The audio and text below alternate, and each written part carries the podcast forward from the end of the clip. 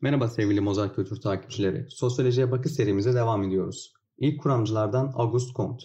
Sosyolojinin ilk kuramcılarından olduğu kabul edilen Auguste Comte, doğa bilimlerinden esinlenerek toplumsal olayları incelemek üzere sosyoloji adını verdiği yeni bir bilim dalının temellerini atmıştır. Fransız devriminin sonrasında meydana gelen toplumsal ve siyasal çalkantılı dönemde yaşamış Fransız yazar ve düşünürdür.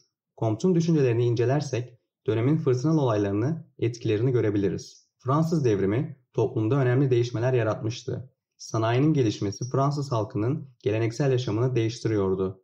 Comte bu değişen toplum işleyişini yasalarla açıklamak istiyordu. O, fiziksel dünyayı açıklayan yasaların toplumsal düzende olabilecek yasaları da açıklayabileceğini düşünüyor ve toplumsal yasalar oluşturmaya çalışıyordu. Onun inancı ve düşüncesi tüm disipliner çalışmaların ortak bir mantığı olduğuna ve bu ortak mantığı bilimsel yöntem şeklinde toplum yasaları ile bağdaştırmaktı. Bu paydada da toplumu denetleme ve öngörme olanağı veren yasaların insanlık çıkarına toplumun kaderini biçimlendirmesine olanak sağlayacaktı.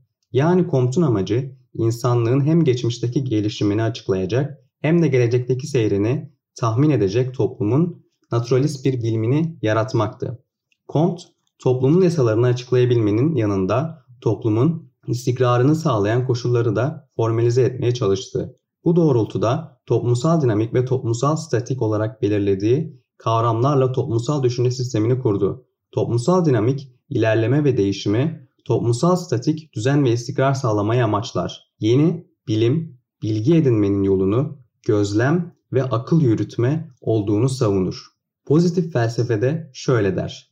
Her bilimsel kuram gözlemlenen olgulara dayanmalıdır. Ancak herhangi bir kuramın kılavuzu olmaksızın olguların gözlemlenemeyeceği de eşit ölçüde doğrudur. Comte kurmaya çalıştığı yeni bilime, modern bilim, önce toplumsal fizik terimiyle ifade etmiştir. Ancak o dönemlerdeki diğer düşünürler de bu terimi kullanmaktaydı.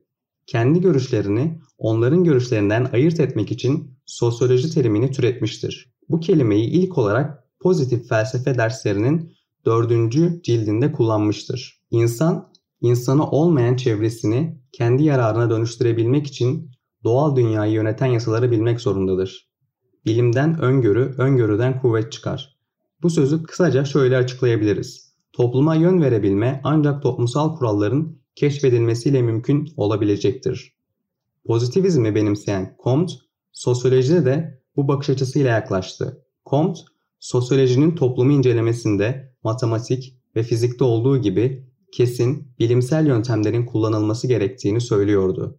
Bu bilimlerde kişisel görüş ve düşüncelerden bahsetmek sağlıklı değildi. Matematik ve astronomide düşünce özgürlüğü olmadığı gibi sosyolojide de olamaz diyen Comte'a göre kesin bilimsel yöntemlerin sosyolojide de geçerli olması gerekir. Comte'a göre sosyoloji bilim sahasına çıkarmak aynı zamanda insanların bilimsel olgular hakkındaki görüşlerini önler. Sosyolojide görüş bildirme hakkı yalnızca bilim insanlarına ait kılınmalıdır ki gereksiz spekülasyonlardan ve ütopik görüşlerden korunsun. Comte'un genel toplum düşüncesinin hareket noktası insan ve toplumların temelde birliğidir. Comte'a göre insan, toplum ve tarih tektir, birdir.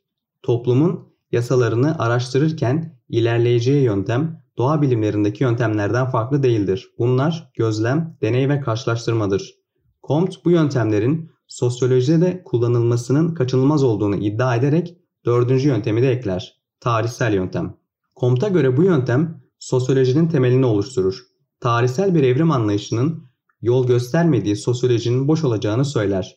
Çünkü ona göre sosyolojinin gerçek inceleme nesnesi insan türünün tarihidir. Comte'un toplum biliminin sistematik hale getirilmesi ve birleştirilmesine yaptığı katkılar ile sosyolojinin akademik alanda uzmanlaşmasında önemli olmuştur.